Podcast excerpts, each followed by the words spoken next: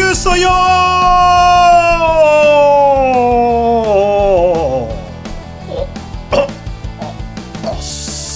Det har blitt lysere om dagene. Vi er i februar, men stemmen til Marius syns jeg bare har blitt mørkere. Er det en eh, et slags primalskrik som skyldes at vi er ferdig med mørketida for det meste? Ellers er det testosterontablettene. Tenk deg liksom Akkurat, at Vi pratet jo sist gang om Märtha og det her med å bli ja, mann ja. og sånn. Så tenkte jeg at kanskje jeg kunne bli mer mandig. Absolutt. absolutt. Litt sånn maks pluss og sånt. Det kommer mye sånne tilbud eh, på e-post til meg, uvisst av hvilken grunn. Ja, nei, så jeg tenkte jeg skulle se om det var mulig å få gjennomgå enda et stemmeskifte. Så jeg ble liksom ja. Det kunne jo bli, bli, bli, eh, bli interessant. Det Ja. kunne jo eh, ta og bli en restart av eh, korkarrieren Ja. din. Du blir en eh, ekstra dyp bass. Nemlig. Mhm. Jeg tenkte at Hvis jeg gjorde det, liksom kom ekstra dypt ned, så tenkte jeg at da kunne jeg kanskje slå i bordet med et eller annet som gjør at denne gangen måtte de ta meg inn. Dessuten, når du liksom er der helt nede på de dypeste tonene, så er liksom bølgelengden på dem såpass stor at det å liksom skille mellom den ene tonen eller den andre, jeg tenker at det må jo da være litt underordna. Og Dermed så kan vi da liksom kompensere for mitt manglende gehør. Det var ja, ja, tanken. men altså, jeg har jo hørt mannskor som har, har eh, mange basser eh, med ulike nyanser, og, det er jo det, det, det, det, er jo det er jo vakkert. Det er jo vakkert. Ja. Ja. Ja, men vi skulle ikke diskutere mannskor, sjøl om vi eh, eh, Vi var jo inne på forrige gang på, på dette med å, å være mann og bli mann, og diskuterte eh, om hun Märtha Louise kunne bli, bli mann. Og vi var inne på det her med kjønnsidentitet, og Marius har jo hadde jo et framifrå foredrag om det der, og eh, jeg må nok eh, ta oss og si, Marius, at eh, vi, vi er ikke helt ferdig med, med dette her eh, lille temaet om, om Märtha Louise kunne bli mann. Og vi kan vel ta og si at eh, på, på, på godt oppgaveteknisk vis så vi har vi konkludert med at Märtha Louise kan bli mann. Men nå har det kommet inn et nytt spørsmål. Gitt at Märtha Louise da kan skifte kjønn og bli mann, kan hun bli konge? Og hva er, hva er svaret på det her? Kan du dra oss igjennom det? Og jeg regner jo med at vi må legge inn et par enkle forutsetninger, så som at eh, nåværende kong Harald eh, abdiserer eller eh, går ut av Ja. tida. Ja, for det er klart at, er klart, Her sier jo spørsmålet 'kan bli'. ikke sant? Og det, er det, jo, det må jo på en måte forutsette at det skjer innenfor denne tida. Men, men utgangspunktet her det er jo at altså hvis man tar dagens grunnlov på det her, så sier jo dagens grunnlov at, at arvefølgen er lineal, således at bare lovlig ekteskap født av barn, av konge eller dronning, eller av en som er arveberettiget, kan arve, og at den nærmere linje går foran den fjernere, den eldre foran den yngre. Eh? Og det gjør at, det gjør at utgangspunktet eh, så er det jo sånn at, at den som da blir født av, av altså, er dronninga, eh, vil jo da være arveberettiga. Men så er jo da problemet her er jo det at eh, Märtha Louise er jo da ei jente. Så er det sånn at i 1990 så foretok Stortinget ei lovendring. En grunnlovsendring. Og det man gjorde i den grunnlovsendringa i 1990, det var det at man gjorde denne bestemmelsen kjønnsnøytral. Det betyr at det barnet som da ble født, altså den vil da inntre i uavhengig av kjønn. Men Märtha Louise var jo da som kjent født i 1971. Ja. Og i 1971 så var det, sto det i Grunnloven at den som da blir født, eh, altså den, den mannlige, altså det hannkjønnet som blir født, vil da på en måte bli arveberettiga. Men fordi at Märtha Louise da var ho-kjønn, så vil hun da ikke være arveberettiga. Det er da formuleringa som da ligger i, i Grunnloven av 19, sånn som den Ja, sto da i ja. 1971. Så, så basert på reglene da, kunne hun da ikke bli konge. Så skjer det da en lovendring i 1990 som da endra det fra og med altså fra og med 1990, som da gjør at Ingrid Alexandra da kan bli kong- konge. Men så kommer jo da spørsmålet. For Märtha Louise, hvis hun da bytter kjønn, så sier det jo i den lov om, eh, lov om, om bytte av juridisk kjønn som vi var i sist gang, den sier jo det at dette får jo virkning for alle lover. Eh, og, og, alt tyder på det også Og, og det skal også da få en tilbakevirkende kraft. Så at hvis man da endrer på det juridiske kjønnet, så får det da en betydning for alle de juridiske forholdene. Ja, men Marius, sier du da at eh, at når du bytter kjønn, da, så vil eh, dette kjønnsbyttet da kunne få eh, eh, tilbakevirkning til fødselstidspunktet. Du er ikke, hva vi sier, eh, snakk om at eh, rettslige konsekvenser av et kjønnsskifte bare får virkning framover i tid, men også bakover i tid. Ja, og det, og det, det, her er jo liksom et av de vanskelige spørsmålene i forhold til det her. Fordi at, fordi at Hvordan er det man skal på en måte tolke det frem og tilbake? Fordi at det, det blir jo satt på spissen i forhold til, i til Märtha i forhold til det her spørsmålet. Mm. Fordi, at, fordi, at, Når man da sier at hun da, altså hvis hun da bytter kjønn, så vil jo hun være en mann. Og Da er det jo også sånn at da må man jo også kunne si at at hun er en mann på alle mulige henseende. Og det må jo også bety at, at det barnet som da ble født i 1971, var det barnet en hannkjønn, eller var det barnet en hokjønn? Eh, og sånn som jeg forstår denne lov om, om, om bytte av juridisk kjønn, mm. så må man da si at basert på det kjønnsskiftet, så må man også si at, at det får en endring for dette barnet som blir født i 1971. Man da må si at dette var et hannkjønn som da ble født i 1971. Mm. Og det er klart at Hvis du da åpner opp og sier at et hannkjønn som da blir født i 1971, at man i dag kan gjøre en endring i lovverket nå som gjør at det barnet som den gang var et hokjønn som ble født i 1971, at man nå må kategorisere det som et hannkjønn som ble født i 1971, så er jo den logiske virkninga her at det må skje en endring i tronrekkefølga her. Mm. Ja, det, det kan jo eh, tenkes da eh, som er rent formallogiske slutninger her. Eh. Men hvordan tror du eh, Stortinget ville nærma seg det her eh, problemet? Ville Stortinget synes at det her eh, var, la oss si, A naturlig, B greit? Ja, og det er jo et interessant spørsmål. For det er jo spørsmålet hva er Stortinget sin, sin, holdning til det her? For det er klart at Når Stortinget i 1990 endra på loven, så er jo grunnen til at Stortinget endra på loven i 1990, eller Grunnloven i 1990 og gjør den på en måte kjønnsnøytral, så er jo bakgrunnen for det fordi at man mener at det var urettferdig at Märtha ikke skulle bli tronarving pga. hennes kjønn.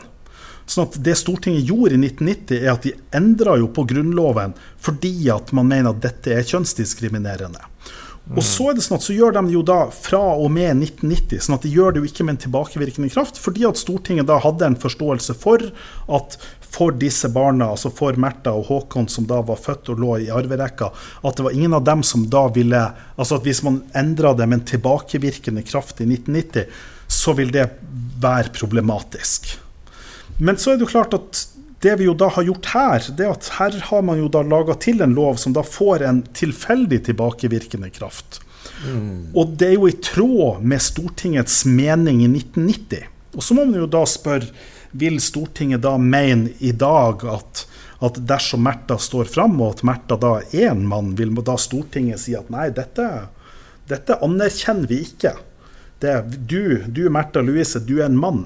Um, hva er da begrunnelsen for at Märtha ikke Eller, eller hva nå navnet til Märtha Louise mm. som mann da vil bli? Hva er liksom begrunnelsen for at, ja.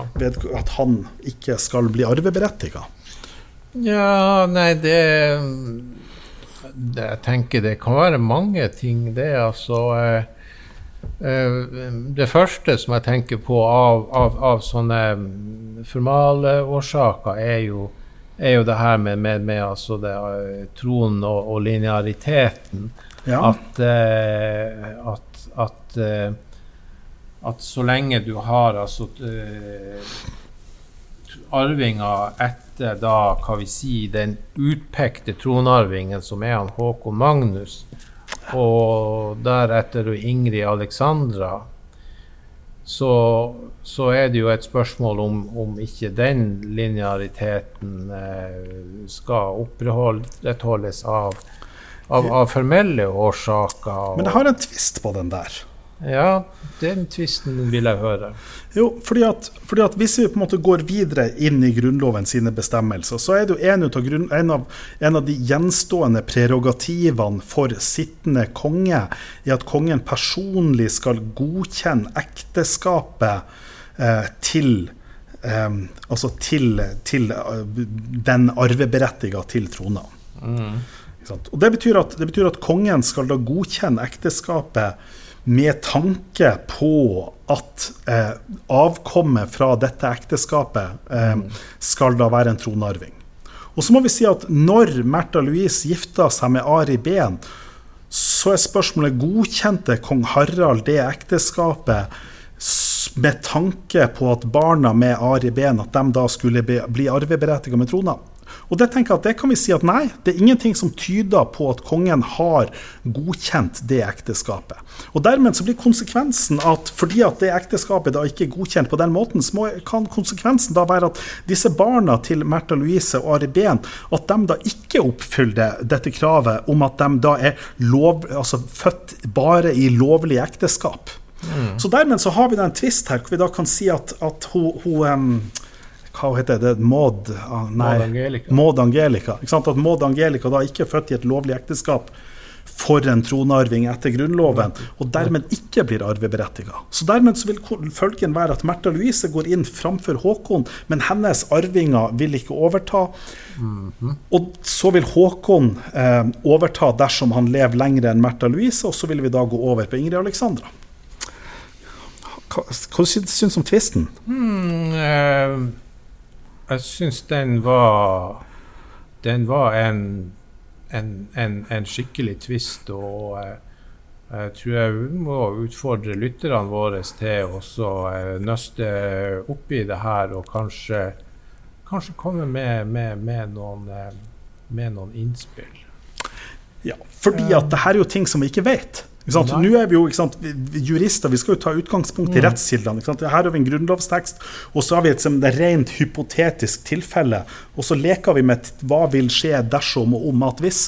Og det er klart, vi må jo vel kanskje understreke at dette er jo vel spekulasjoner, men jeg, jeg setter jo pris på spekulasjonene. Ja, ja. Men hvis vi tar oss og, og tvister det ytterligere og og la oss nå da ta oss og si at eh, Ja, at eh, den mannlige Märtha Louise eh, blir en um, Blir, hva vi si, en, en, en veldig Morten Louis. Morten Louis, eksempel, blir en, en veldig, hva vi si, populær person i, i den norske eh, offentligheten og stadig større lag av folket ville ønske da denne Morten Louis som, som konge. Eh, kun, kun, kunne det kreves folkeavstemning om, om, om, det spørsmålet, eller er Grunnloven eh, klar på, eh, på, på, på altså det arveligheten? At Norge er et arvekongedømme? Altså. altså. Grunnloven er jo klokkeklar på ja. at Norge er et arvekongedømme. Men mm. samtidig så er det jo her på et spørsmål hvor jeg vil si at vet, vet, vet, Hvis vi da plutselig får at Morten Louis står fram, mm. så er det jo sånn at da vil du ha, en, da vil du ha to, to eh, konkurrerende tronpretendenter, er det ikke det som er ordet? Game of Thrones Ja, nemlig. Og så blir det jo spørsmål hvordan skal du da løse det mellom disse tronpretendentene? Skal man da på en måte la Stortinget avgjøre det? Det er en måte å gjøre det på. Du kan på en måte gjøre en folkeavstemning, det er andre måter å gjøre det på. Men jeg tenker en annen løsning det er jo at, er at man lar disse gjøre opp seg imellom. Mm. Um, og Da skal jeg komme med det som kanskje blir klippa ut herifra. Men, men la oss nå se for oss at vi tar disse Harald dør, du har to kronpretendenter, så dytter vi dem ut på en holmgang. Mm. Så får de på en måte gå ut på denne holmen og avgjøre hvem som, hvem som på en måte er, er kongen. Og så vil jo seierherren ja. gå av derifra. Og det vil jo selvfølgelig være mm. straffritt, for seierherren vil jo da være den regjerende konge og kan jo holde, ikke holde strafferettslig ansvarlig absolutt, for absolutt. det som har skjedd på Holmen. Ja. Det vil jo være én mulig løsning her. Men ville det kreve da grunnlovsendring som åpner for eh, å avgjøre det med holmgang? Nei, jeg tenker, at, jeg tenker, at, dette er jo noe som ikke er regulert i Grunnloven. Nei, nettopp, nettopp. Så at man tar og åpner for en praksis på en måte. Ja. ja men, og, det å, det, og, det å, ha en praksis med at tronarvinger får gjøre opp seg imellom for å mm. avgjøre hvem som Eller av, mellom tron, to, tronpretendenter, det er, en, det er, jo en, praksis som vi har brukt i, i flere, over 1000 år i Norge. Det, det, det, er jo sant, det. Og, og, det er jo en praksis som jo er hylla i populærkultur. Ja, ja. Det er jo det. det, er jo det. Og så kunne vi jo bare knytte meg til, fordi at jeg liksom gravd litt ned i det her. For det som jo skjedde her i 1814 så var det sånn at Vi kom jo ut fra Danmark. Og i det danske, i det danske riket så er det jo sånn at der er jo dronning Margrethe hun er jo regent. Og i 1814 så var det sånn at da var det et system hvor man i det danske systemet så var det sånn at det førstefødte kvinne ville bli arving. Og når da Stortinget samla i 1814, og man på en måte diskuterer hva gjør vi med dette spørsmålet, skal det være en mann eller en kvinne, så stiller disse stortingsfedrene seg opp og så sier de det at nei. Eh, tilbake til, til Eirik Blodøks og tilbake på, på, vår tidligere kongerekke, så var det bare menn som da kunne, bli, kunne arve trona. og Derfor så brøyt man med den danske tradisjonen. Og her er jo en av de plassene hvor forarbeidene til Grunnloven faktisk er relevant. For det her spørsmålet er jo på en måte ikke behandla i, i, vesentlig grad i, i ettertid. Sånn at, sånn at, vi må si at det var et bevisst valg i 1814 at det var bare mannen som skulle bli, bli tronarving. Og så ble det gjort en endring på det i, i 1990, også som et bevisst valg. Så um, ja, skal, ja. skal, vi gå videre?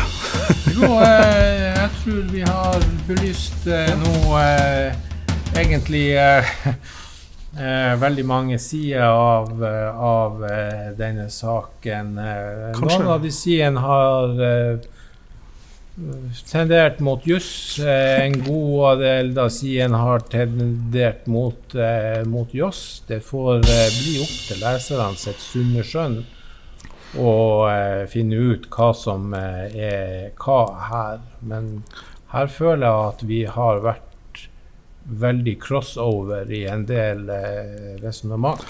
Skal vi gå videre på hvilken ja. tittel Shaman Durek vil få?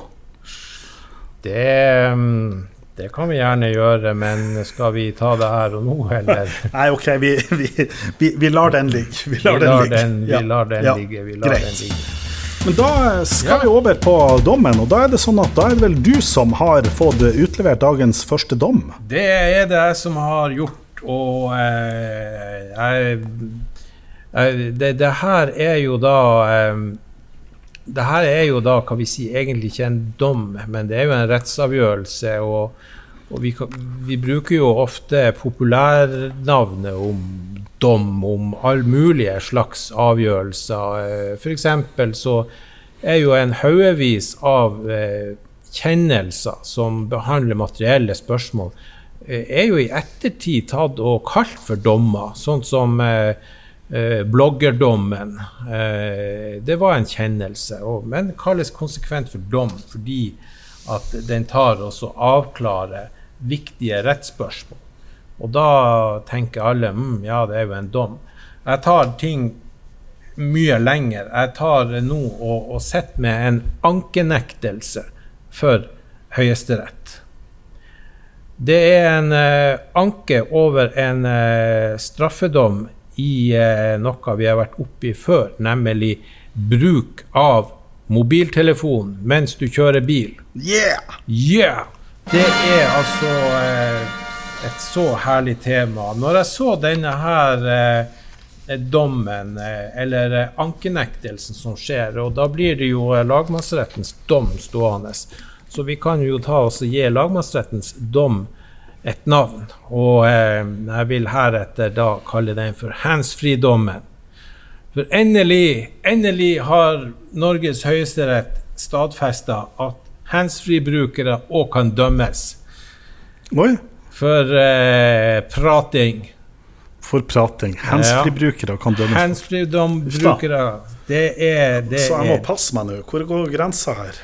Jo, Um, ja, det her, jeg vet ikke helt om jeg likte det her.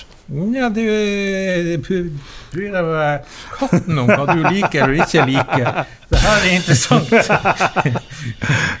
Og eh, bakgrunnen for saken er veldig enkelt. Eh, I forbindelse med en eh, rutinemessig eh, trafikkontroll så kan vi med betjentens egne ord ta og si at betjenten forklarte at han så A under kjøring tok opp en mobiltelefon et kort øyeblikk, åpnet dekselet og trykket på telefonen med tommel.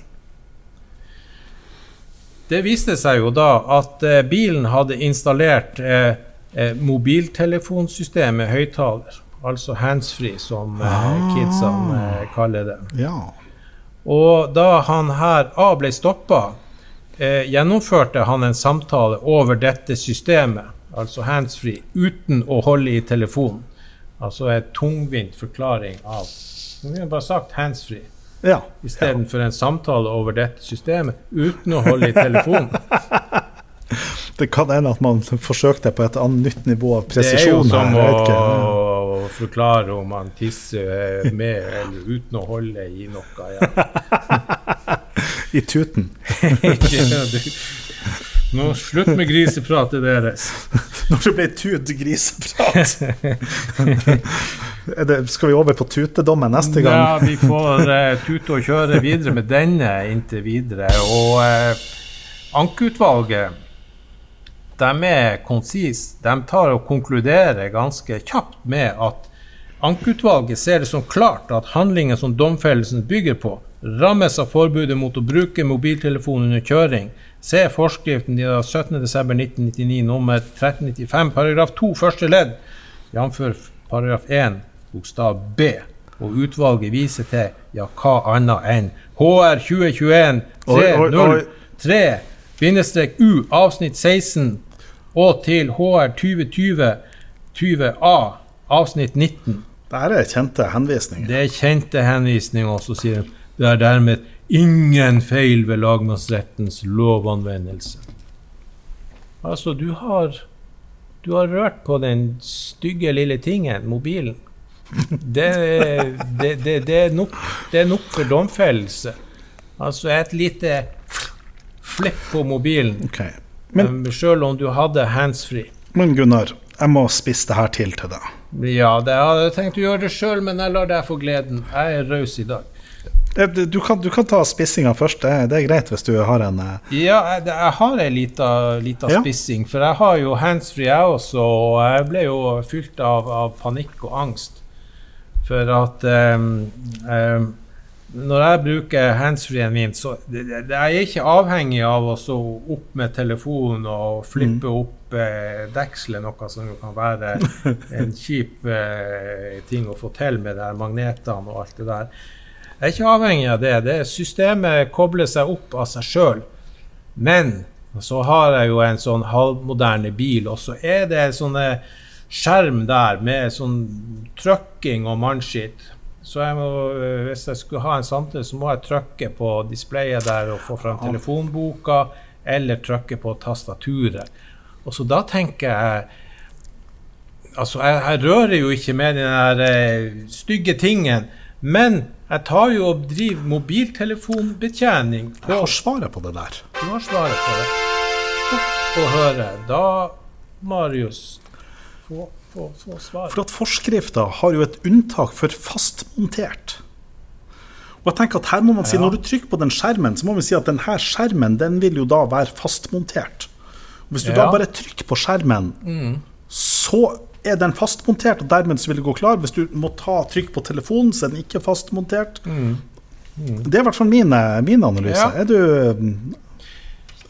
Jeg skal gi deg den, Marius. Det der med, med skille fastmontert, ikke fastmontert. Det er jo liksom så Det, det er jo så god positivistisk eh, positivismejuss. Eh, rettsrealisme på sitt mest vakre og grusomme på en eneste gang. Men jeg er dessverre litt annerledes skrudd sammen.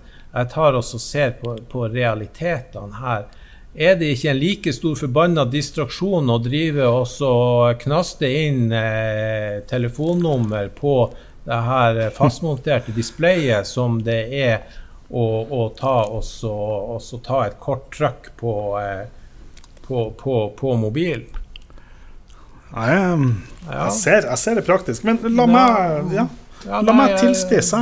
Ja, Fordi at jeg har jo Hva er klokka for noe? Vi Nå ser jeg på klokka, og så når jeg ser på klokka mi på handa, ja. så må jeg jo så må jeg trykke på den for å Ja, få ja. fram klokka. ikke sant? Og så er spørsmålet Gunnar, jeg sitter og kjører. Ja, jeg lurer på hva klokka er. Jeg tar handa, og jeg trykker på klokka og får fram lyset.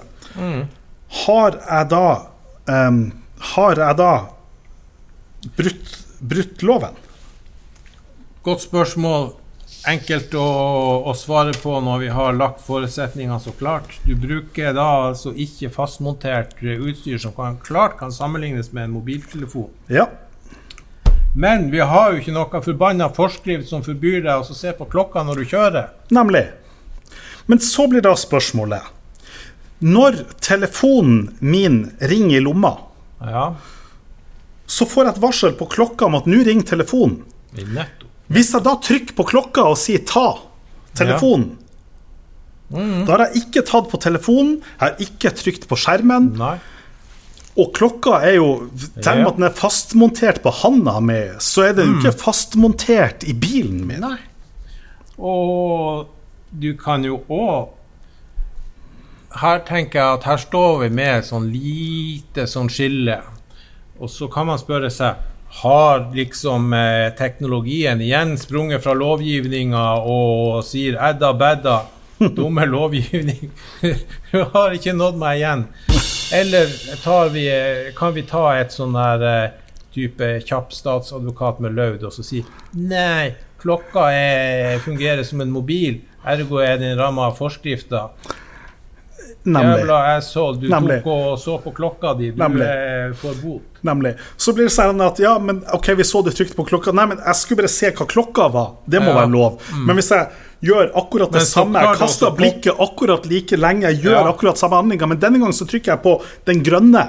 Ja, ja, og så dukker det opp ei eh, evig lang melding med knøttsmå bokstaver, og du prøver deg å styre som passelig i tunnelen og lese det i den meldinga. Nei, og, så, og det klokkegreia det dukka opp den dagen hvor jeg var ute og kjørte, og så um, vibrerer det inn liksom ei, ei melding som da vibrerer inn på handa mi på klokka. Og jeg liksom, hva er det som skjer på handa mi? Så jeg snur handa, og så kaster jeg et blikk på, og så ser jeg at der er det jo meldinga, og så trykker jeg på meldinga.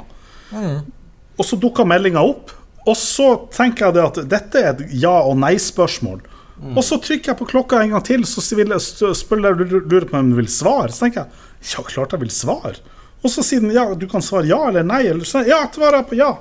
Og dermed så hadde jeg trykt på klokka tre ganger. Jeg hadde kasta blikket bort ifra trafikken. Ja, Og der tenker jeg at i dette tilfellet så tenker jeg at det her burde jeg fått en bot. Tenker Ja. jeg. For jeg tenker at da jeg, I dette tilfellet, når jeg Ja. kom til meg sjøl og på en måte så det her, så tenkte jeg at nå var jeg på en måte utafor. Men det å trykke på klokka, at jeg tar telefonen Jeg tenker Jeg tenker at det blir så kunstig, altså. men altså, jeg tenker, jeg tror jeg kan glede deg med at eh, klart du kan få bot. For vi Vi kan, har jo kan vært- alltid få en bot. Vi kan alltid få en bot, og vi får det jo gjerne. Det er jo statistisk bevis at eh, Marius får ofte Marius bot. får ofte bot. Men jeg tenker vi, vi eh, har jo vært litt nærsynt nå med forskrift og teknologi Ja. og greier og sånt. Og så har vi jo helt glemt av den her eh, sekkeregelen er det vel i veitrafikkloven paragraf 3 at, eh, at gjør du noe politiet ikke liker, så får du bot. Nemlig. Nemlig. Du har vært uaktsom, din Nemlig. tulling, og da Nemlig. får du det ticket. Yes. Og jeg skal anerkjenne uaktsomheten på Mm. Mm. min, min ja på klokka. Jeg, eh, Ja. Vi er, vi, er, vi er ganske nedre del, men jeg tenker at ja, det, jeg aksepterer den, altså. Ja. ja. Men, eh, men, men, men det her er å trykke på telefonen, trykke trykk ja, jeg tenker, at, jeg tenker at det er ganske firkanta gjort av Høyesterett, altså. Det, det er det, men Høyesterett hadde en liten joker opp, up in the sleeve som, Ja. eh, som eh, jeg ikke da har eh, eh, sagt. Eh, det, det var to politivitner, slik at politivitne én som så at han trykte For det var anført da som en, eh, som en sånn eh, feil. Ja. Uh, og at, uh, at den andre politivitnet hadde ikke innsyn i, i kupeen. Det ble det anka over. Men uh, det ble da klargjort for Høyesterett at det andre herlige politivitnet tok og observerte etter sin forklaring at A's bil på det på et tidspunkt beveget seg mot midtlinjen i veien, for deretter å gjøre en brå bevegelse den andre veien. Oh. Er du ikke i klisteret da, så er du i mm. Du ble distrahert. Ble distrahert. Og da Da er det uaktsomhet med strek da. under ordet. Nemlig. Nemlig. Mm. Ja, ja, ja, jeg aksepterer. Jeg aksepterer. Greit. Greit. Ja, det er good police work. Ja. Ja gjort det klart for Høyesterett. Mm. Og det er i Høyesterett den opplysninga kommer fram. Men jeg tenker mm. det, det er godt Høyesterett-work også. Det, det, det, er det. Politiet tok nok òg og jobba eh, hardt med å få, få ting, eh, ting, fram. Ja. Men eh, Nei, men Skal vi videre?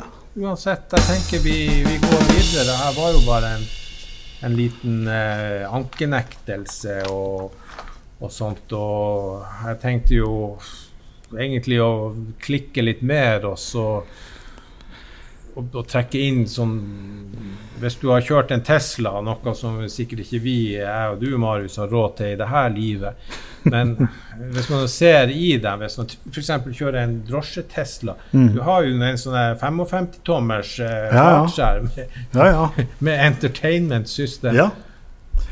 Jo, ja jeg har, jo, jeg har jo kjøpt meg Nissan Leaf, og der har jeg jo en sånn der skjerm som jeg mm. kan sitte og dulle med underveis. Og sånn, og Den er jo fastmontert, så lenge som jeg ikke er uaktsom, så mm. går det jo greit, liksom. Se en film og Ja, ja, ja, det går helt fint. Så lenge som jeg ikke er uaktsom. Ja, visst. Mm. Nei, men uh, tenker vi Drar til Armenia. Vi drar til Armenia. Så bra å, å komme oss litt eh, bort også. Ja. Ikke sitte som to tullinger og rope her eh, dagen lang. ja. Men da, da, skal vi til Armenia, og da skal jeg snakke om dommen min. Og det her er jo en dom som da kom den 8.2.2022 eh, for Den europeiske menneskerettighetsdomstolen. Og da er det en kar som heter Botoyan. Mm.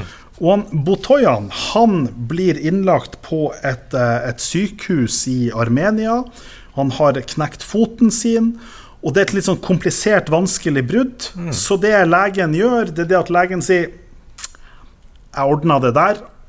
Nå skal jeg bare operere deg, så går alt sammen fint. Mm. Så legen opererer han, og så skjer jo det som av og til skjer at det, alt sammen går ikke fint. Nei, han våkna med høyre fot på venstre? Eller? Nei, han våkna opp med noe betennelse og noen plager, og, og, får på en måte over noen måneder store plager med den metallplata som har blitt operert inn, og hvor den til slutt må opereres ut igjen og sånn her. og, og og han Botoyan han, liksom, han får liksom ordna opp i det her til slutt, men han Botoyan han har da gått gjennom flere måneder med ulidelige smerter pga. det her, og han mm. mener da at han har blitt utsatt for en medisinsk feilbehandling.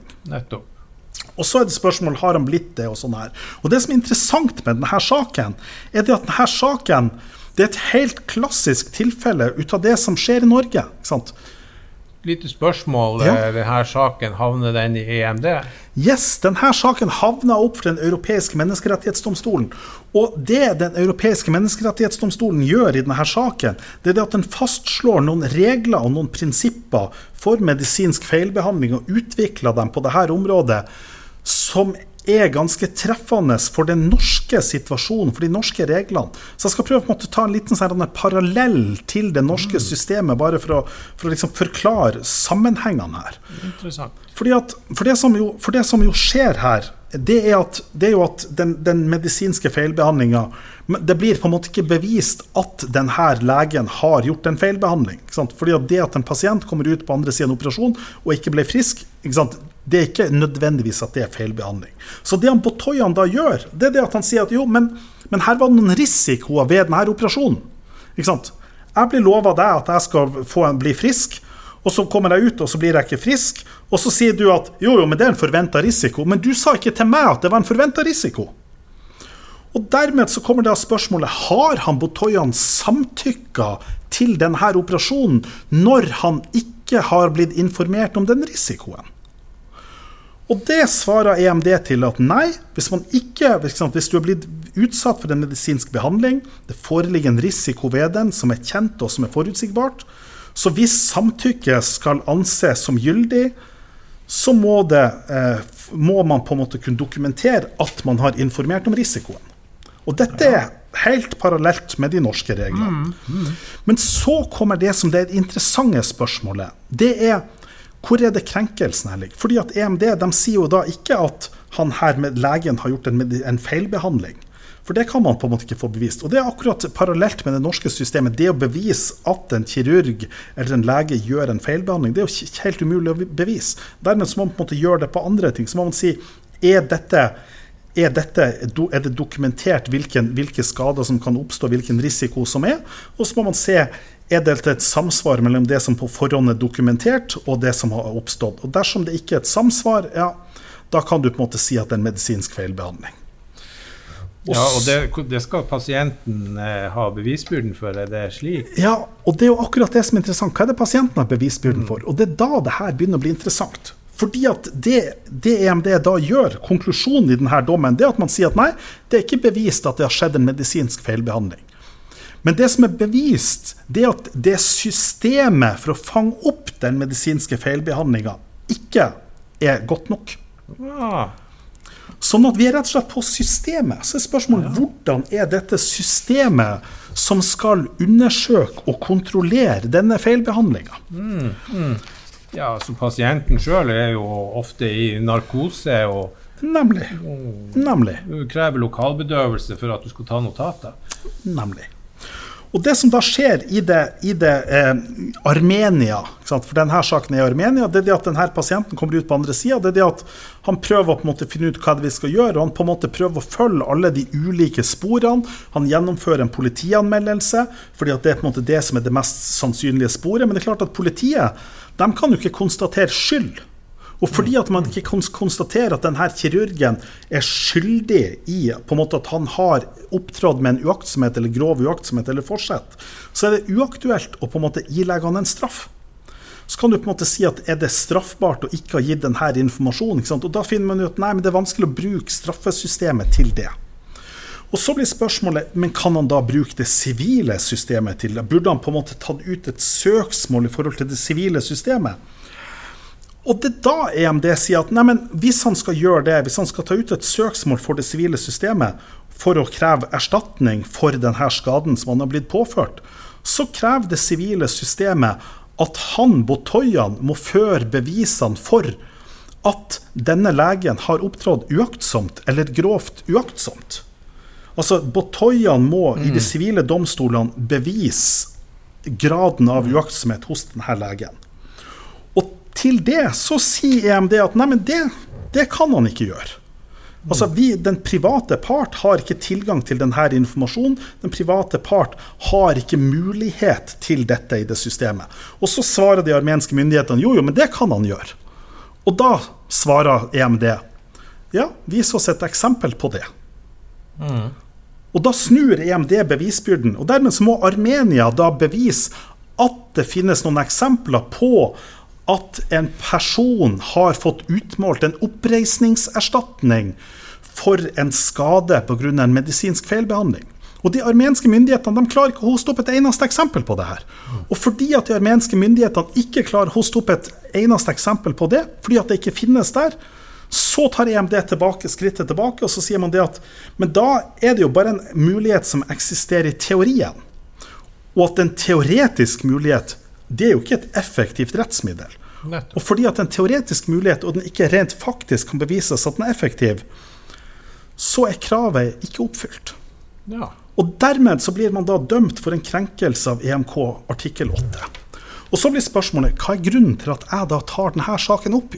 Jo, det er fordi at i det norske erstatningssystemet, den pasienten som Hvis du tar denne pasienten og du gjør det her i det norske systemet, så er det sånn at da har man det norske systemet for pasientskade.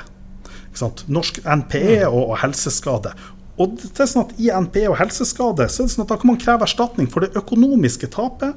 Du kan kreve erstatning for en menerstatning. Men du kan ikke kreve erstatning, for en oppreisningserstatning i NPE-systemet. Oppreisningserstatning fordi at de norske skadeserstatningsloven krever grov uaktsomhet eller forsett, så må man på en måte gjøre det framfor de sivile domstolene. Men en norsk pasient kan ikke konstatere grov uaktsomhet eller forsett reelt sett hos den behandlende legen. Nei. Derfor er det også sånn at også i det norske systemet så finnes det ikke eksempler på som jeg kjenner til i hvert fall, på at en lege, helsepersonell, har blitt idømt en oppreisningserstatning for en krenkelse, altså for denne smerten. Her har vi jo mulighet til å flytte til Frankrike og starte en gullgruve. Ja, nemlig. Og det her, det her, er kjempeartig, fordi at i det norske systemet så er det sånn at en pasient som da tar ut disse sakene for, det, for, for Pasientskadenemnda, som er det formelle systemet, da avskjæres den muligheten til å kreve erstatning etter EMK, som i denne saken Botoyan eh, når mm, fram med. Mm. Så det gjør at i en helt parallell sak, hvis en hvilken som helst, ikke en hvilken som helst, men i veldig mange av de pasientene som havner opp for Norsk pasientskadeerstatning, som da ikke vil få en opp oppreisningserstatning, som bare vil få et, en utmåling for den økonomiske tapet. Sier du at, at du eh, for å komme inn under ordninga må fraskrive deg retten til å prøve saken for END, eller hørte jeg feil? Nei, nei, det sier jeg ikke. Men, men, det, men, så er det sånn at hvis man da skal ta ut et søksmål for de norske, de norske domstolene, ja. så er det et prosessvilkår at saken skal ha vært behandla i Pasientskadenemnda. Men, det at, men, det er klart at hvis Pasientskadenemnda ikke har kompetanse til å behandle spørsmål om oppreisningserstatning, så kan du spørre i hvilken grad er dette e, organet egentlig kompetent? Mm, mm. Og så blir det også spørsmål Fordi at, og, her, og, det underliggende spørsmålet her, det er jo dette, dette manglende samsvaret mellom den norske skadeserstatningsloven, som stiller som vilkår om grov uaktsomhet eh, eller forsett for oppreisningserstatning. Altså man, I den norske skadeserstatningsloven så er da utgangspunktet at man spør hva var hensikten eller meninga til den som har påført skaden? Mens i EMK-systemet så det, stiller man et annet spørsmål. Da spør man hvilken smerte ble denne personen eh, opplevde denne personen. Mm. Så tar man utgangspunkt i dersom du har opplevd en, den, en, så stor grad av smerte, og det har skjedd en krenkelse av en EMK-bestemmelse, da utløses kravet til oppreisningserstatning. Mm. Og Dermed så er det to ulike terskler. Det norske systemet oppfyller ja, ja, ja, den terskelen. Her må jo myndighetene enten endre på reglene i pasientskadeloven, eller så må advokatene se sin mulighet til å få de her sakene opp.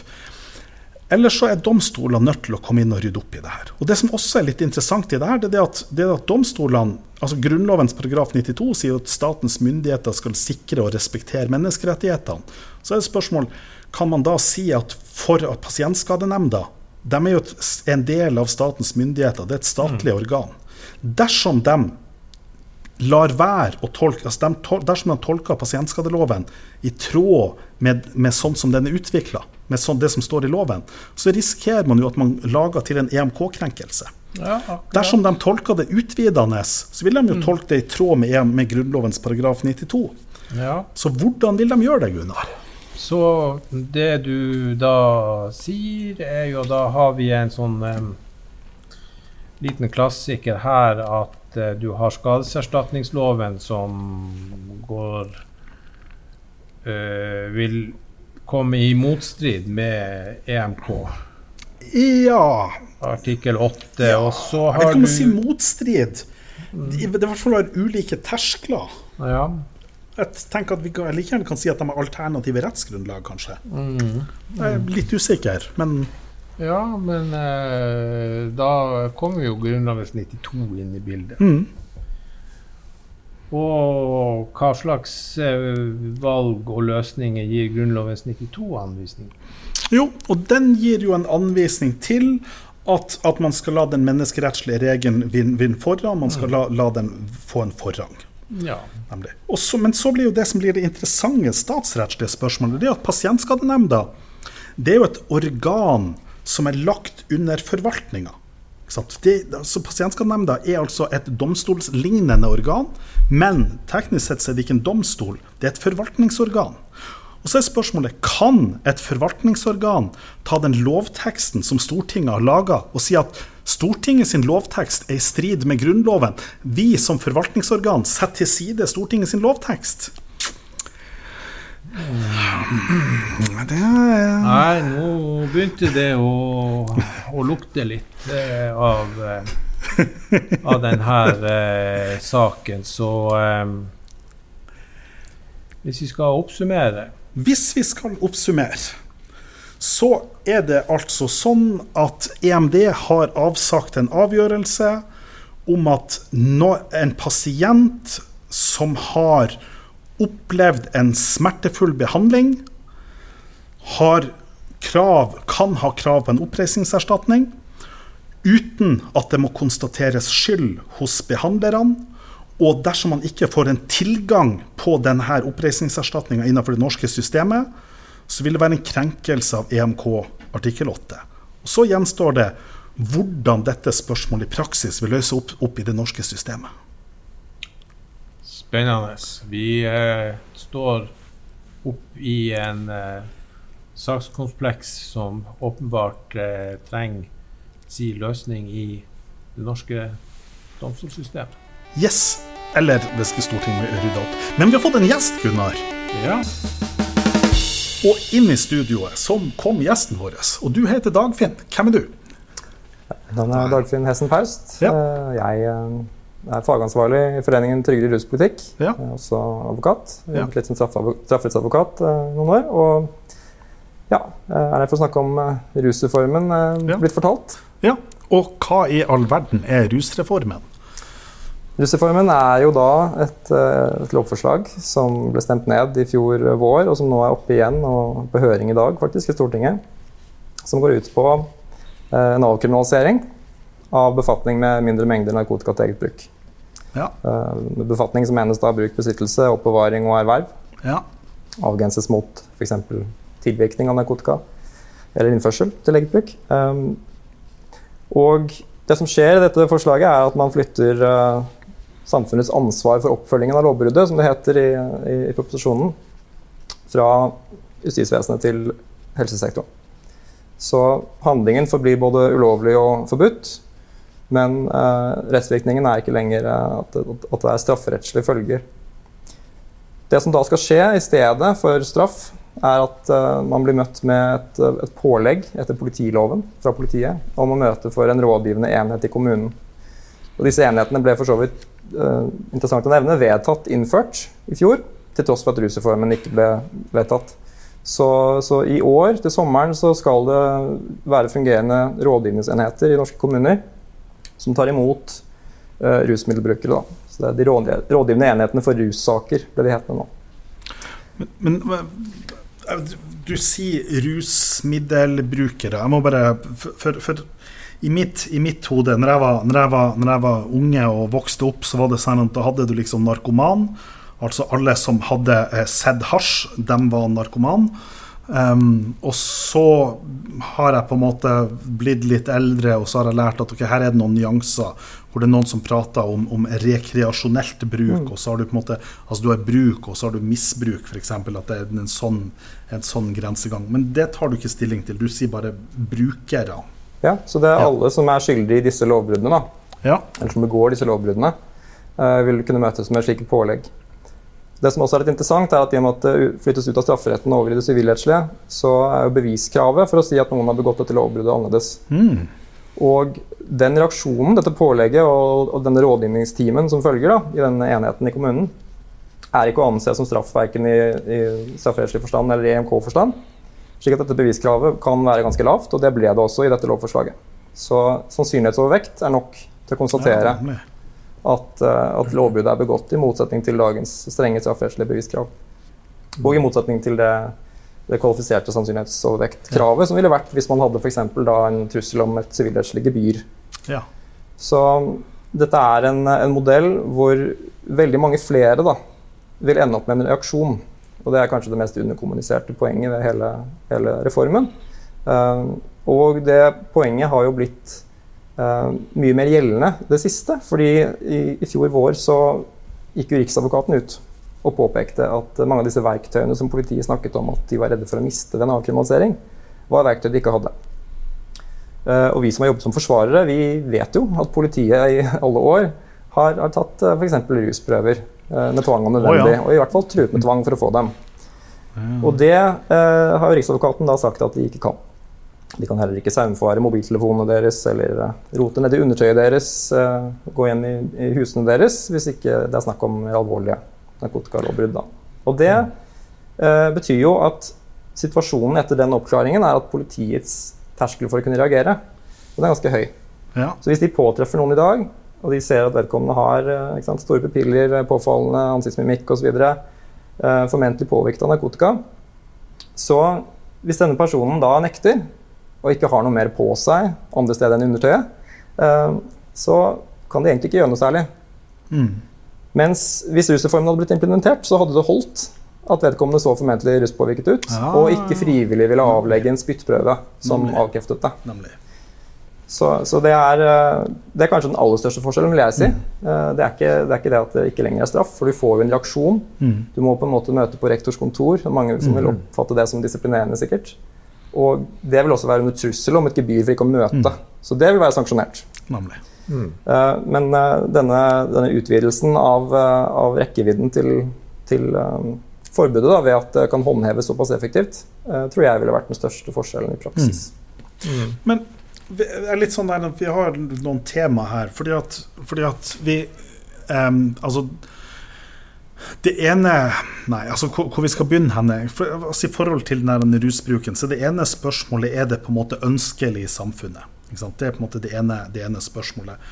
Og det, hvis man på en måte går tilbake og går på en måte tilbake på, på 20-tallet, så var det jo sånn at de her legene, dem, i tillegg til å på en måte være villige til å gi bort opium til, til pasientene, og sånn, så, så, hadde de også opp, opplagt det at hvis de stimulerte kvinnens kjønnsorganer, så vil de på en måte bli mer rolig og mindre hysterisk. Og sånn sånn at det var jo liksom en litt andre forhold på 20-tallet. Og så får du på en måte krigen mot narkotika, hvor man starta opp det, og hvor man kjører kjempestrenge strenge straffer, og hvor man på en måte kjøper, kjører en knallhard eh, altså kriminaliseringslinje. Og så er vel det som da skjer, at man da står, så får du da en del mennesker som da er tunge narkomane, som er på en måte tunge rusmisbrukere. og De blir på en måte løfta fram i forhold til rusreformen. Så blir det sånn Skal vi fortsette å sparke dem som ligger nede? Og så er det sånn at og det er alle sammen enige i at nei, det er det skal vi slutte med. Men så er jo de andre spørsmålene som, som jeg syns blir litt vanskeligere. Og det ene spørsmålet er det sånn at jeg, en, en, en, en vel, Jeg skulle til å kalle meg velfungerende mann på, men jeg mm. tenker la oss moderere det til en relativt velfungerende mann. Er det sånn at jeg bør kunne ha bruk narkotika i helgen så lenge som jeg jeg fortsetter å være like relativt velfungerende som det jeg er? Og vil jeg, dersom jeg skulle ha et ønske om å bruke en sånn, en sånn rusbruk, vil jeg, hvilken, hvordan vil jeg bli påvirka ut av det? Og det andre er i forhold til mine barn, som, jo da, eh, som jeg da ønsker alt godt i livet, så tenker jeg det at jeg er skeptisk til at de skal begynne å bruke narkotika. Og jeg tenker at jeg ønsker å ha systemer på plass som gjør at de ikke, eh, ikke begynner å bruke stoff. Ja. Så det er jo eh, et veldig stort spørsmål. Eh, og ulike fraksjoner vektlegger ulike virkemidler her. Noen tror jo veldig på den avskrekkende effekten av en straffesanksjon. Gjerne et is bak speilet, ikke nødvendigvis en som mm. brukes med en gang. Uh, og jeg avviser ikke at straffesanksjoner kan ha en avskrekkende effekt. Men vi må huske på at effekten av, altså den avskrekkingseffekten er, er betinget av mange faktorer. Og når vi snakker om lovbrudd som ikke ses på som veldig moralsk avskyelige, som uh, til en viss grad den normaliserte befolkningen. Det er veldig vanlig å ha prøvd cannabis for eksempel, mm. i Norge. Særlig hvis du er mann, og særlig hvis du bor i byene. Hvor, og, hvor, mange prosent, vet du det? Um, jeg tror at det er uh, Det kom tall fra FHI i går. Hvis ikke jeg husker feil, så var det vel 38% av menn mellom 16 og 30 som hadde prøvd cannabis. Jeg kan, kan ja. huske det feil, men jeg tror det stemmer. Ja. Uh, og det finnes også longitudinelle studier som Willy Pedersen og kolleger har gjort, uh, som er mer interessante, syns jeg. fordi at de er ikke basert på telefonintervjuer eller, eller mm. nettskjemaer hvor du kan velge å la være å delta. Uh, hvor de fulgte noen nordmenn i jeg tror det var 15 år. Og da var statistikken den, riktignok fra noen år tilbake, da, jeg tror det var 2005 eller noe slikt, at um, 40% av alle nordmennene i denne studien hadde prøvd cannabis innen fylte 30, og 60 i Oslo. Ja, nemlig. Så, så longitudinelle studier er jo da kanskje mer interessante, sånn sett, men det er, det er gammel forskning. Ja. Men, eh, men for å komme tilbake til dette med betingelsene for straffens avskrekkende effekt, så, så er det jo ofte sånn at når alle disse uh, andre faktorene som kanskje kunne holdt folk unna det, altså det at det er veldig marginal atferd, det at det er eh, moralsk avskyelig osv., uh, hvis de ikke er til stede, så koker det ofte ned til oppdagelsesrisiko og risikoen for å bli straffet. Så vi vet f.eks. at straffesanksjonene fungerer ganske godt i trafikken, eh, fordi det er en høy oppdagelsesrisiko stort sett. Samtidig så vet vi jo at ikke alle eh, trafikklovbrudd blir oppdaget like lett. Ikke sant? Hvis du kjører på en øde strekning på et tidspunkt på døgnet hvor det ikke er noen der Ja. som ser deg, så er det bare radarboksen du har å frykte, nesten. Ja. Da er heller ikke lovlydigheten den samme som under andre omstendigheter. Og med narkotikalovbruddene så er dette lovbrudd som for det første ikke har noe, noe offer i tradisjonell forstand. Så det er ingen som anmelder det utenom politiet. Da må politiet oppdage det for at lovbruddet skal registreres. Ja. I tillegg så er dette handlinger som stort sett foregår i private rom. Ja, det kan foregå på en konsert og et utested osv., men men overveiende så skjer det jo hjemme hos folk, hvor politiet i utgangspunktet ikke har adgang. Så det betyr at det er tilfeldighetsfunn stort sett som gjør at det oppdages. Eh, enda mer så nå, etter Riksadvokatens innstramming av, av disse tvangsmidlene. Og, og det betyr at de aller, aller fleste vet enten allerede eller oppdager veldig fort at sannsynligheten for å bli tatt hvis man passer litt på, er liten. Og da er den avskrekkende effekten også liten. Man kan sammenligne det med forbudet mot og straffebudet da, mot, eh, mot drikking i park mm. i mange norske byer. Der er oppdagelsesrisikoen høy, men risikoen for straff er lav fordi det ikke håndheves. Og folk respekterer ikke det straffebudet. ikke sant? Ja. Ja, men, men samtidig, jeg, jeg må si at jeg, jeg, har, jeg har diskutert denne drikke i park-forbudet noen ganger. Og jeg, må si at det er et av de som jeg er tilhenger ut av. Det kan man være. Ja. Og, det, og, det, og det dreier seg om at der syns jeg politiet praktiserer det på en fornuftig måte. Fordi at Når jeg har vært i f.eks. i Danmark, og det å da sette seg i en park i Danmark på en fredagskveld, det er en litt sånn ubehagelig opplevelse. fordi at da sitter alle 15-åringene der og kaster ølflasker rundt seg, og de her, altså fulle guttegjenger på 15-16. Jeg, jeg, jeg syns at det er ubehagelig. Sant? Og, og det gjør at det er på en måte ikke mulig å gjøre det der. Mens i Norge så er det sånn at pga. det her forbudet så kan politiet utvise et fornuftig skjønn, hvor de på en måte gjør at det er greit å bevege seg i norske parker. De slår ned på fyll, og de slår ned på tømme ut den boksen, liksom. Men hvis man skal begynne å, å drøfte disse spørsmålene om rus og straff ut fra f.eks. skadefølgeprinsippet, da, så er det mange gode argumenter. Hva, hva er skadefølgeprinsippet? Skadefølgeprinsippet er strafferettens skademomlov. Ja. Så vi straffer i utgangspunktet bare de handlingene som i nevneverdig grad går utover andres beskyttelsesverdige interesser. Eh, altså, Hvis du plager andre, Ja. så, så kan staten gripe inn, Ja. eh, eventuelt med straff. Og det er, eh, det, Dette kommer fra John Stuart Mill og er en sånn egentlig gammel liberalistisk tanke, men, men ligger til grunn for mye av vår strafferett også, som en skranke mot bruk av straff og ikke bare inngripen. Og um, hvis vi snakker om bruk av, av, av rusmidler åpenlyst i det offentlige rom, så, så har det større effekter på, på tredjeparter. Uh, det kan være et ordensforstyrrelseselement, uh, og det kan være et rent sånt ordensopprettholdelseselement i det. Uh, Det kan ha mange gode grunner for seg. Jeg mener det er- fullt mulig å være for rusreformen og samtidig for forbud mot drikking i parker, og, og, og for å beholde en, en, en slags sanksjonering av cannabisrøyking i parker, da, selv om man er for rusreformen. Men om den sanksjoneringen skal være strafferettslig eller sivilrettslig, med gebyr eller bøter osv., det er et annet spørsmål. Man trenger kanskje ikke strafferegistrere folk for denne type Ja. ting. Uh, hvis de Men- får en Men hvis, jeg, men hvis man på en måte gjennomfører rusreformen, og, og jeg finner ut at jeg skal starte med en rekreasjonell bruk, em, og så blir jeg da tatt for det, og gjennomgår det systemet, vil det kunne få noen arbeidsrettslige konsekvenser for meg? Hva du tenker om det? Hvis du har en stilling eh, som, eh, hvor det er pliktmessig avhold, f.eks. Ja, det har vel ikke jeg, har jeg det? Gunnar, har jeg Eh, pliktmessig nei avhold? du som, uh... Nei, det, du har ei fri stilling. eh, Du skal bare Ah, du som akademiker har vel den Ja. stillingen man kan ha omtrent. Ja, da, Men, det er bare eh, at du står Ok, det var bra. Ja, det var fint. Ja, Men, men det, er, eh, det er en rekke tilfeller hvor, ja. hvor det å, å bruke rusmidler, i hvert fall i et visst omfang da, ja, eh, F.eks. helsepersonell eller sjåfører eller Men stikkordet er omfang, og dette er et, et eh, problem som stadig, eller en problemstilling som stadig kommer opp i dag. eh, Med forvaltningsvedtak hvor folk eh, vurderes som uedruelige, enten det er snakk om eh, førerrett eller det er snakk om omsorg for barn, eller det er snakk om uh, innehav av enkelte yrker, hvor, hvor de eh, kanskje litt fort trekker konklusjonen at noen ikke er edruelig bare fordi de i et eller annet omfang bruker rusmiddel. Her, her, er jeg nødt til å komme et lite innskudd. fordi at Vi hadde, vi hadde mm. behandla her på en episode i høst så behandla vi den høyesterettsdommen som kom i høst om edruelighet. Mm. Eh, og, så, og, så har jeg, og så har jeg forbindelse med at du skulle komme hit, så har jeg googla deg, og så leste jeg en sånn interessant artikkel du var med og skrev i Tidsskrift for Den norske legeforening og hvor i de tallene som du redegjør for i den artikkelen der i Den norske legeforening, så virker det som at det skal mye høyere bruk til, altså mye større hyppighet og mengde av den bruken til for å være eller å fortsatt være mm. edruelig enn det mm. Høyesterett la til grunn i den avgjørelsen. Tenker du at Høyesterett har forstått faktum feil her, eller hva, hva så, du jeg tror, jeg tror jeg vet hvilken artikkel det er, og det er noe jeg skrev for lenge siden. Jeg har, jeg har utviklet uh, kunnskapen på området litt mer siden, men jeg jobber med en ny tekst nå. Uh, og det, min mening om dette er at hovedproblemet i hele denne praksisen har vært uh, lovens, eller egentlig forskriftens, definisjon av, av hva påvirkning av cannabis spesifikt da, i trafikken er.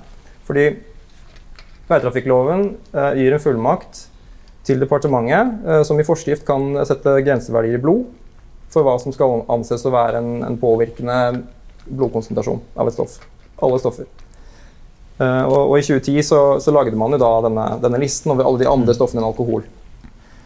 Og Da bestemte man seg for å, å gjøre en, um, en, analogi fra alkohol.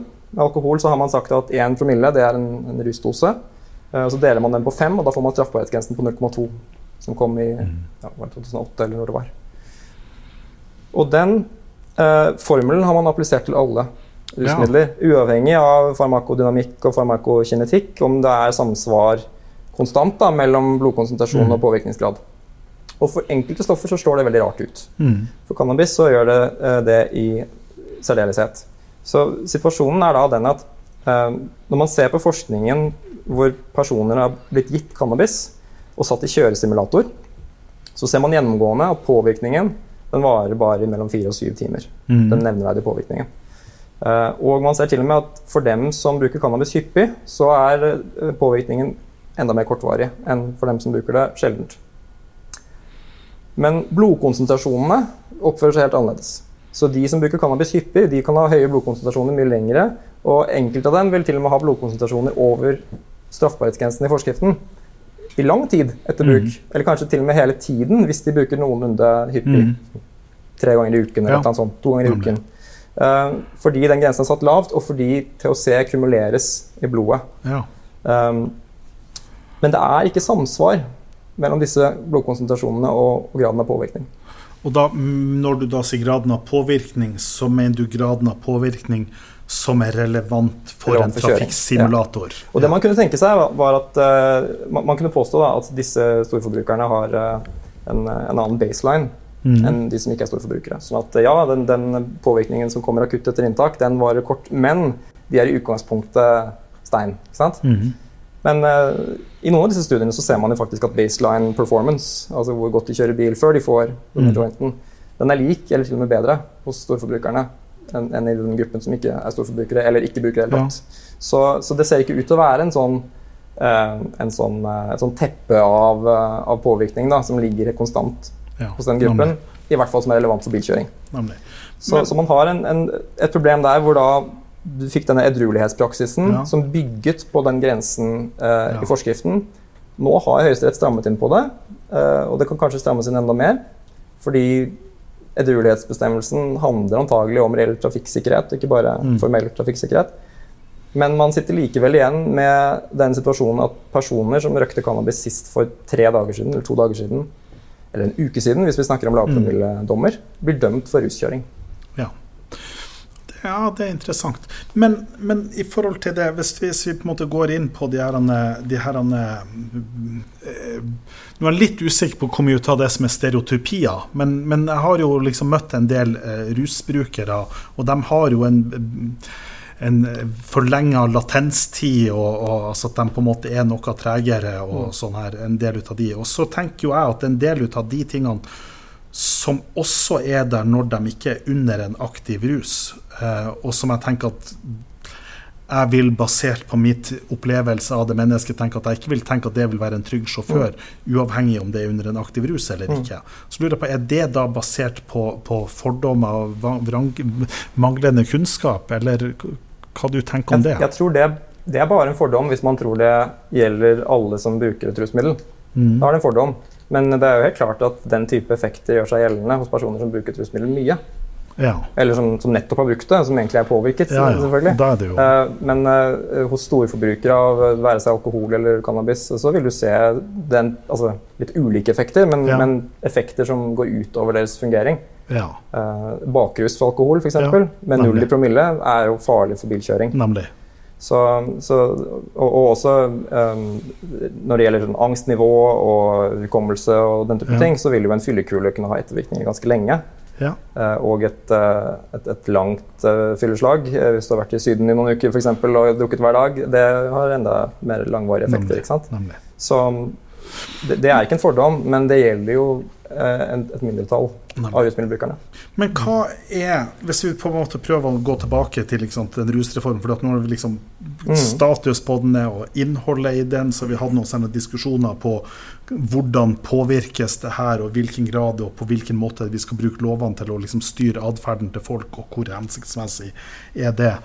Um, hvor kommer rusreformen til å ende opp nå, og hva er grunnen til denne motstanden mot den? Er det, hva er motargumentene, liksom? Jeg tror motstanden handler om disse rekreasjonsbrukerne som du, som du nevner. Um, og det er jo en, først og fremst en, en moralsk motstand.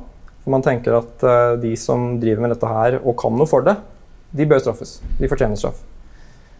Det er litt vanskelig selvfølgelig å begrunne sånn strafferettsteoretisk, fordi jeg mener at alle de argumentene som for så vidt finnes for å, å straffebelegge eget bruk av narkotika, de gjør seg mye mer gjeldende, i hvert fall når man snakker om handlingens straffverdighet, eller atferdens straffverdighet, når noen har et problematisk rusmiddelbruk, enn når de har et uproblematisk sporadisk rusmiddelbruk. Mm. De som har rusproblemer, de bidrar til en mye mye større andel av forbruket. De står for størstedelen av forbruket, selv om de er få. Mm. Uh, de har rusmiddelbruk som i større grad går utover andre mennesker, fordi det går utover atferden deres mer, deres forpliktelser osv. Eh, ja, det, det, er, det, er, veldig vanskelig da, å finne ett område hvor uh, disse rekreasjonsbrukerne, som man kan kalle dem, uh, gjør noe som er verre for samfunnet. Men jeg, jeg, leste, jeg, leste, en eller annen plass, og nå er jeg litt usikker på om, om kilden min suger eller ikke, men det får, antar du du retter meg opp om. Men i den historien som jeg leste, så var det visstnok en plass i Nederland hvor det da var eh, ikke tilgang på cannabis en periode. Maastricht. Maastricht og, hvor, og, hvor, man da så at, at det påvirka karakterene på universitetet. Og påvirka karakterene på universitetet sånn at de studentene som gjorde det dårligst, at de fikk på en måte et bedre resultat. Mm. Og dersom det stemmer, så tenker jeg at fra et samfunnsperspektiv så tenker jeg at, at hvis det er sånn at ved å, ha, altså ved å hindre bruk av cannabis, dersom, så vil det gjøre at de svakeste studentene eh, presterer bedre på universitetet. Så tenker jeg at det er jo et samfunnshensyn som jeg tenker at bør vektlegges. Mm. Eh, og så er det spørsmål i hvor stor grad og, og tilstrekkelig til straff og sånn her. Det, det, er et, et, annet spørsmål. Men, men så, dermed så er spørsmålet for det første er det bare tull, eh, historier som jeg akkurat har fortalt, og for det andre, hva tenker du om det argumentet? Det som er vanskelig å vite med den studien, er jo eh, om det man ser, er disse kognitive ettervirkningene av at noen har brukt ganske mye cannabis pga. tilgang. Eh, eller om det er virkninger av at de bruker mer tid på fest og moro enn de gjør på å studere. Eller at de bruker for mye tid på fest og moro. Og man har, man har sammenlignet da, i denne studien uh, den effektstørrelsen man ser, med effektstørrelsen man har sett i um, amerikanske delstater hvor, um, hvor folk da, disse studentene har kommet over legal drinking age, blitt mm. 21. Og man ser at det er en sammenlignbar uh, effektstørrelse. da. Så kan man selvfølgelig si at vi trenger ikke dette problemet i tillegg. men vi vet jo da ikke om man ville sett det samme hvis man fjernet andre fritidstilbud fra, fra mm. nærmiljøet til disse studentene. Uh, og så er det jo uh, en kjensgjerning at uh, hvis vi skal snakke om det som går utover de svakeste, så gjør jo kriminalisering og, og til dels forbudspolitikk også i særdeleshet det. Så man kan på en måte si at disse liberale reguleringsformene de går jo de går utover en større gruppe. Men de mer restriktive reguleringsformene går jo gjerne desto hardere utover en mindre gruppe. Mm. Uh, til dels veldig hardt. man får sant, rekruttering til organisert kriminalitet. Man får sterkere produkter. Og det er ja, det er en avveining, da. Ja. Skal man gjøre litt skade på flere eller mye skade på færre? Nemlig. Og hvem er det mest synd på? Da skal vi avslutte. Og mens jeg har ei oppsummering her, så skal du Dagfinn, tenke på hva er det siste ti sekundene, hva er det siste poenget du vil komme med? Gunnar, vi har prata om Märtha Louise, nei, Morten, Lu, Morten Louis. Mm. Vi har snakka om, om, bilkjøring, vi har snakka om eh, pasientskaderett, og vi har snakka om rusreformen. Gunnar, ditt siste ord før vi slipper til Dagfinn for det siste ordet? Det har eh, vært en, eh, en berusende opplevelse, og eh, jeg tror vi har kanskje på tur inn i en bakrus, men vi fikk et, et fint oppsving nå med å ha en gjest som er veldig godt skodd på ja. dette med, med, rusreformen, og jeg føler at jeg har lært veldig mye og blitt ja. mye mer reflektert i forhold til dette viktige spørsmålet for samfunnet vårt. Dagfinn, siste, siste ord? Jeg vil bare si at uh, Siste ord er ikke sagt. Jeg tror rusreformen kommer til å bli gjennomført uh, denne eller annen form. Uh, og jeg tror at dette forsøket nå på å skille mellom ulike grupper og straffe bare dem som Eh, fortjener det, det, det kommer til å havarere i Lovavdelingen.